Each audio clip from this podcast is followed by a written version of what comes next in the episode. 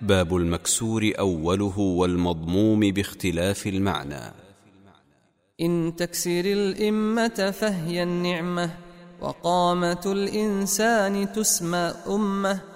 كذاك قرن الناس والجماعة والحين فاضبط جهد الاستطاعة. والخطبة المصدر ذا في مذهبه فإن ضممت فاسم ما يخطب به. وقيل إن خطبة النكاح تكسر دون غيرها يا صاحي وجمل ذو رحلة قوي والرحلة السفرة ذا مروي وهي إذا كسرت الارتحال ونقلة كذاك الانتقال وحمل الله تعالى رجلتك يا أيها الراجل واقلع رجلتك. بالكسر تعني البقلة الحمقاء. أدام مولانا لك البقاء. ومطمئن الأرض أيضا رجله. فاقبل بفهم ما روته الجلة. وحبوة العطاء من حبوت. وحبوة من قولك احتبيت. والاحتباء أن تراه رافعا ساقيه في حال القعود واضعا. كساءه أو ثوبه عليه لفا على جنبيه مع ساقيه. وقد يقال حل زيد حبيته كما تقول حل أيضا حبوته.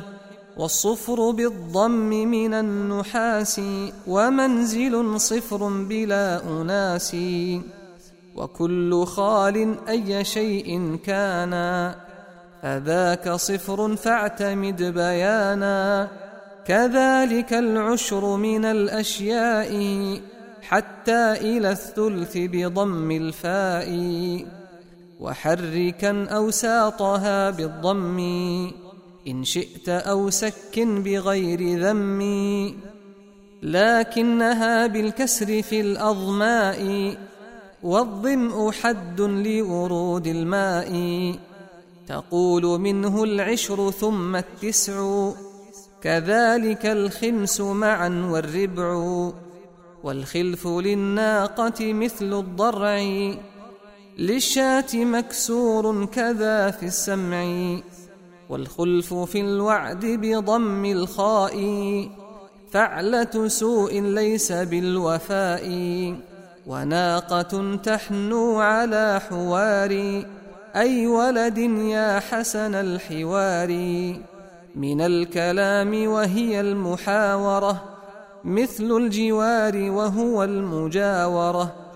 وعنده قال جمام القدح ماء بكسر جيمه لا تفتحي.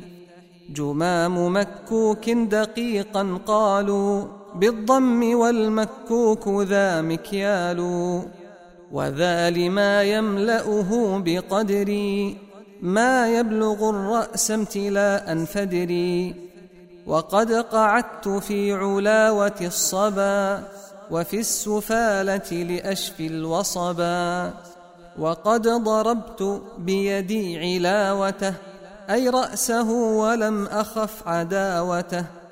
وهذه علاوة على جمل قد علقت من فوق حمل فجمل. وإن جمعت فهي العلاوى تفتحها كقولك الهراوى.